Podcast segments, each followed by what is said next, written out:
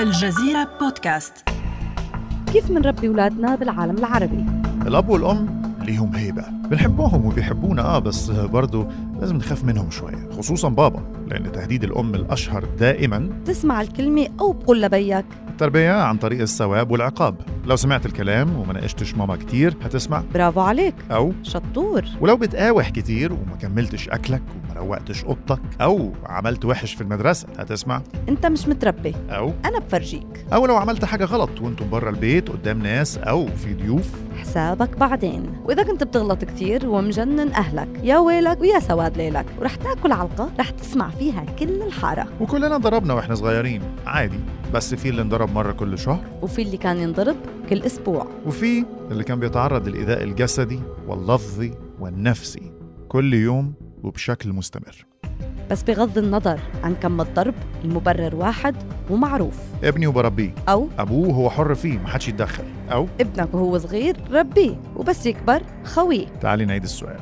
إزاي بيربوا ولادهم في أماكن أخرى من العالم؟ ببعض دول العالم الأطفال هن اللي إلهم سلطة على الآباء. الأطفال ليهم حقوق والأهل عليهم واجبات يحفظها القانون. ولو فشل الأهل في تأمين الحد الأدنى من الظروف الحياتية الملائمة لأطفالهم أو تعدوا عليهم بالضرب أو حتى بالسب أو الأذى النفسي بيتم سحب أولادهم منهم وبيحرموا من حق الأبوة أو الأمومة. القوانين هي غالبا ما تستمد من اتفاقية حقوق الطفل اللي وقعت بالعشرين من نوفمبر سنة 1954 هذا التاريخ صار اليوم معروف باسم يوم الطفل العالمي. أنا نبيل النشار. وأنا هبة قصوعة. والنهاردة هنجيب يوم الطفل العالمي من الآخر.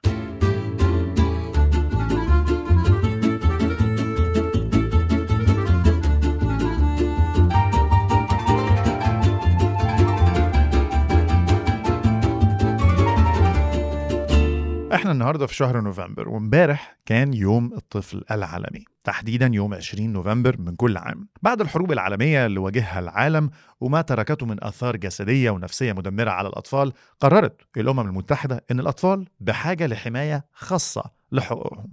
والسؤال البديهي اللي بيطرح نفسه هنا ليه محتاجين اتفاقية خاصة بحقوق الطفل تحديدا؟ اتفاقية حقوق الإنسان لا تكفي لا تكفل الأطفال أيضا حقوقهم؟ هي غير كافية. لأنه إذا ما ضمننا حقوق الطفل رح يدفع المجتمع كلفة ضخمة جراء تقصيره مع الأطفال. الخبرات المبكرة للأطفال يا نبيل بتأثر بشدة على نموهم بالمستقبل ونموهم هو اللي بشكل أو هو اللي بحدد شكل مساهماتهم بالمجتمع والثمن اللي رح يدفعه هذا المجتمع. يمكن الفكرة توضح أكتر لو بصينا على بعض ما تتضمنه حقوق الطفل اللي مش هنلاقيه في حقوق الإنسان العادية. أولا يجب أن يتمتع الطفل بجميع الحقوق المقررة في الإعلان ولكل طفل بلا استثناء أن يتمتع بهذه الحقوق دون أي تفريق أو تمييز. واحد يجب أن يتمتع الطفل بحماية خاصة وأن يمنح الفرص والتسهيلات اللازمة لإتاحة نموه الجسمي والعقلي والخلقي والروحي والاجتماعي نموا طبيعيا سليما في جو من الحرية والكرامة. كان عندكم منه ده؟ بعدين بقول لك شو كان عنا. خلي الطابق مستور. طيب. البند الثاني البند الثاني يمكن يكون بديهي للبعض ولكن كان من الضروري وضعه على اتفاقية أو ميثاق حقوق الطفل. هو للطفل منذ مولده حق أن يكون له اسم وجنسية. على فكرة مش بديهية ولا حاجة لأن في أطفال كتير بدون أو ستيتلس بند آخر يجب أن يتمتع الطفل بفوائد الضمان الاجتماعي وأنه يكون مؤهل للنمو الصحي السليم. الضمان الاجتماعي الكبار ما عندهم ضمان اجتماعي. وما ننسى حقوق الطفل من ذوي الاحتياجات الخاصة أو المعاق. يجب بحسب هذا الميثاق أن يحاط الطفل من ذوي الاحتياجات الخاصة بالمعالجة والتربية والعناية الخاصة اللي بتقتضيها حالته الطبية. أيضا حق آخر من الحقوق اللي بيضمنها إعلان حقوق الطفل أن كل طفل يحتاج أن ينعم بشخصية منسجمة النمو مكتملة التفتح إلى الحب والتفاهم.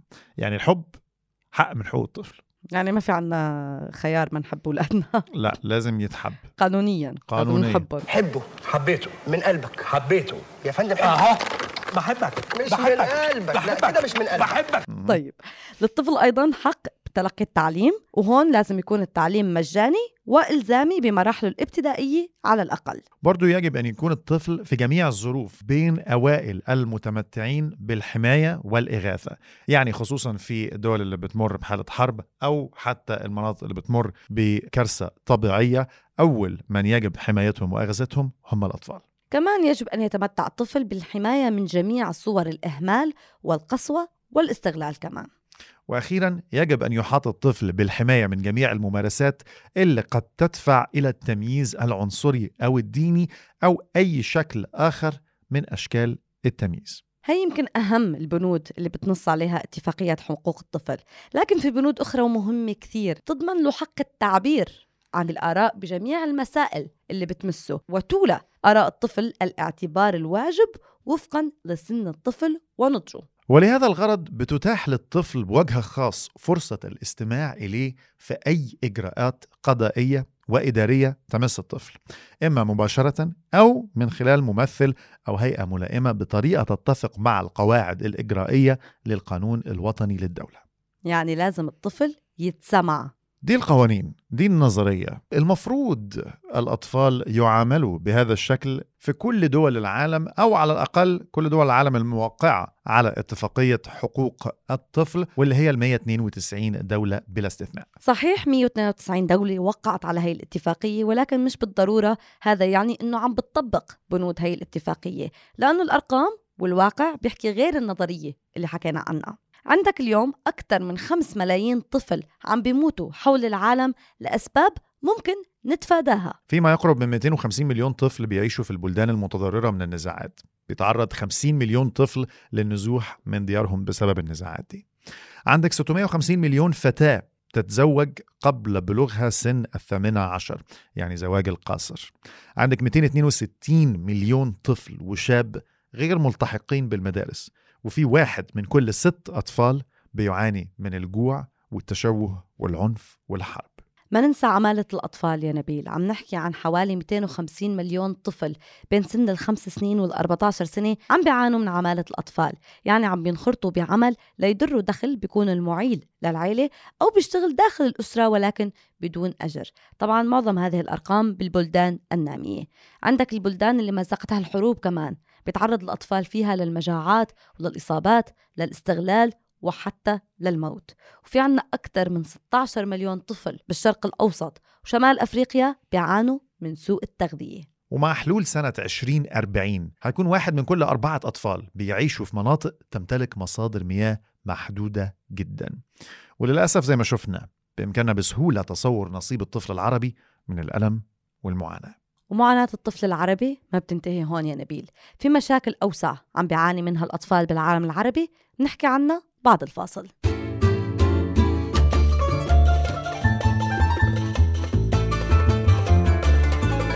زي ما تعودنا خلينا نبص على العالم العربي. بحسب اتفاقية حقوق الطفل الطفل هو كل إنسان لم يتجاوز الثامنة عشرة. في الآونة الأخيرة شفنا كتير من الانتهاكات ضد الأطفال من عنف تنمر تحرش جسدي وغيرها. سلط عليها الكثير من الضوء في ظل وجود وسائل التواصل الاجتماعي اللي أصبحت بتتناول مثل هذه الحوادث وتكشف الكثير من الانتهاكات اللي بيتعرض لها الأطفال. السنة اللي فاتت البي بي سي نقلت عن عدة صحف عربية رصدها لأشكال مختلفة من التحديات اللي بيواجهها الأطفال في الوطن العربي. عندك القاهرة واسكندرية في مصر. في مقدمة المحافظات الأكثر انتشارا لظاهرة أطفال الشوارع. وده نقلا عن المتحدث الرسمي لوزارة التضامن الاجتماعي. وما ننسى أن الصحف تحدثت عن ارتفاع عمالة الأطفال بالأردن ل 70 ألف طفل. تخيل 45 ألف طفل من هؤلاء عم بيشتغلوا بأعمال خطرة. وطبعا ما نقدرش ننسى أطفال سوريا اللاجئين. لا أضلع تمتد ليهم. هم اللي بيضطروا يمدوا أضلعهم الطرية. نحو أدوات حادة عربات غليظة أحمال ضخمة لا تتجاوز أعمارهم السادسة عشرة وهم بذلك أطفال بحسب التشريعات الدولية. خليني هون قول شغلة مهمة كتير. نحن صرنا عارفين من الكومنتس اللي بتوصلنا إنه مستمعينا ببودكاست من الآخر مطلعين ومتابعين وعارفين الأحداث. ولهيك بقولكم معكم حق حكينا عن حالات معينة لكن الحقيقة هي إنه الفئة الضعيفة بالمجتمعات العربية هي فئة الأطفال وعم بيواجهوا اليوم تحديات شديدة الصعوبة أقصاها الحروب والجوع وأدناها ضعف الحماية الاجتماعية والصحية والحرمان من التعليم. طيب يعني دلوقتي فهمنا إن في يوم اسمه يوم الطفل العالمي. فهمنا إن في إعلان دولي اسمه إعلان حقوق الطفل. فهمنا الفرق ما بين حقوق الطفل وحقوق الإنسان بشكل عام وإيه أهمية إن يكون في حقوق محددة ومعينة للأطفال. ولكن يبقى السؤال إشمعنى الطفولة؟ يعني ليه ما فيش حقوق المراهقين مثلا حقوق الكهل حقوق المسنين؟ يعني ليه الطفولة؟ إيه حيثية الطفولة؟ الطفولة مرحلة مهمة وحساسة بحياة كل إنسان بحسب الدراسات النفسية مرحلة الطفولة إلها تأثير كبير وعميق على الطريقة اللي بتتشكل فيها شخصياتنا وتطورنا العاطفي. هي المرحلة اللي نبدأ فيها نجرب العالم نشوف هل يا ترى هو مكان آمن لإلنا؟ هل فينا نغامر ونستكشف فيه؟ هل فينا نتحمل المخاطر؟ هل فينا نثق فيهم ونعتمد عليهم؟ صح. التجارب يا هبة اللي بنمر بيها صغرا ذكريات الطفولة بتحاك سويا لتشكل البنية التحتية إذا جاز التعبير لأعمق طبقاتنا السيكولوجية واللي بتنمو وبتضاف إليها الطبقات الأخرى على مدى سنين عمرنا. ومع كل مرحلة عمرية مختلفة بنحمل معانا تجارب جديدة نشيد بيها شخصيتنا كالبناية أو ناطحة سحاب وممكن تتغير شخصية الواحد على مر السنين. فتهد أدوار وتقام مكانها أدوار أخرى.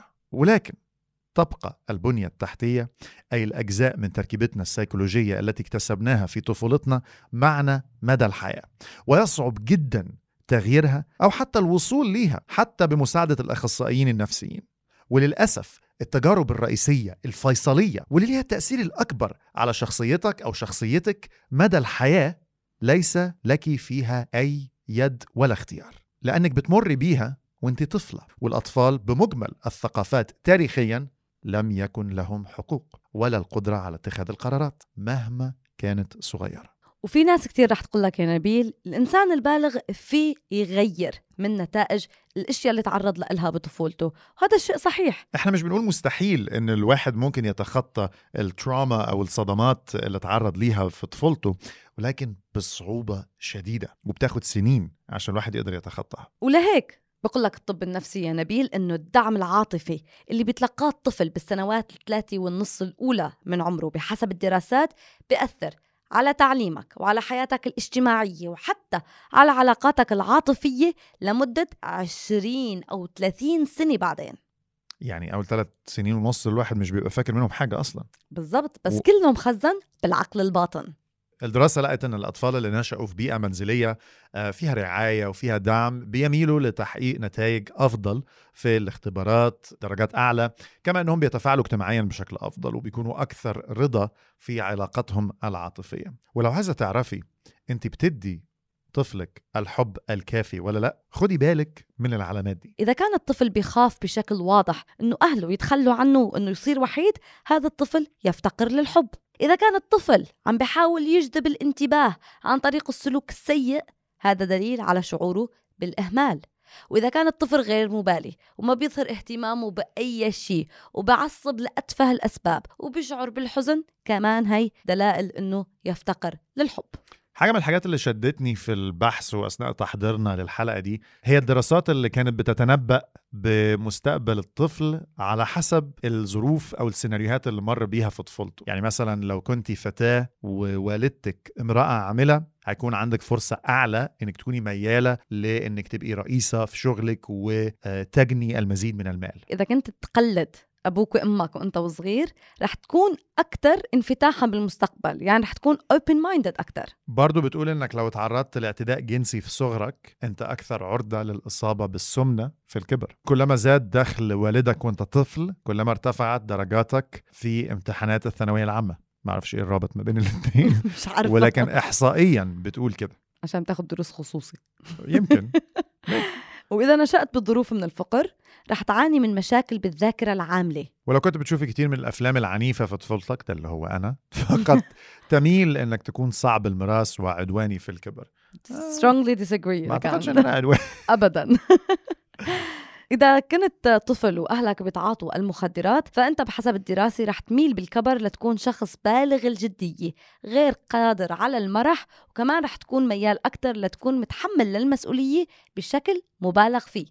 يعني من الآخر عشان نلخص كل الرغي الكتير اللي إحنا قلناه النهاردة ده أفضل حاجة تقدر تقدمها لطفلك وللأطفال بشكل عام وللمجتمع في يوم الطفل العالمي الحب والرعاية والاهتمام. هل يا ترى تعتبر حالك عشت طفولة سعيدة وصحية؟ أتمنى تكون الحلقة دي أثارت الفضول عند مستمعينا إنه يكونوا فكروا في طفولتهم هل مروا بنفس التجارب دي؟ هل كان عندكم تراما وصدمات جامدة في طفولتكم؟ تعرضتم للفقر أو للاعتداء؟ هل يا ترى عشتوا طفولة سعيدة؟ وخلتكم هاي الحلقة تفكروا بحقوق الطفل بشكل عام وموافق إن الحكومة أو المجتمع يتدخل في طريقة تربيتك لأولادك؟ هل موافق إن الحكومة تقول لك ممنوع تضرب ابنك؟ ولو ابنك قال لك بجيب لك الشرطة إذا ضربتني شو ممكن تعمل؟ وبكده بقى عندك كل المعلومات الأساسية عن حقوق الطفل ويوم الطفل العالمي استنونا الأسبوع الجاي بحلقة جديدة من بودكاست من, من الآخر.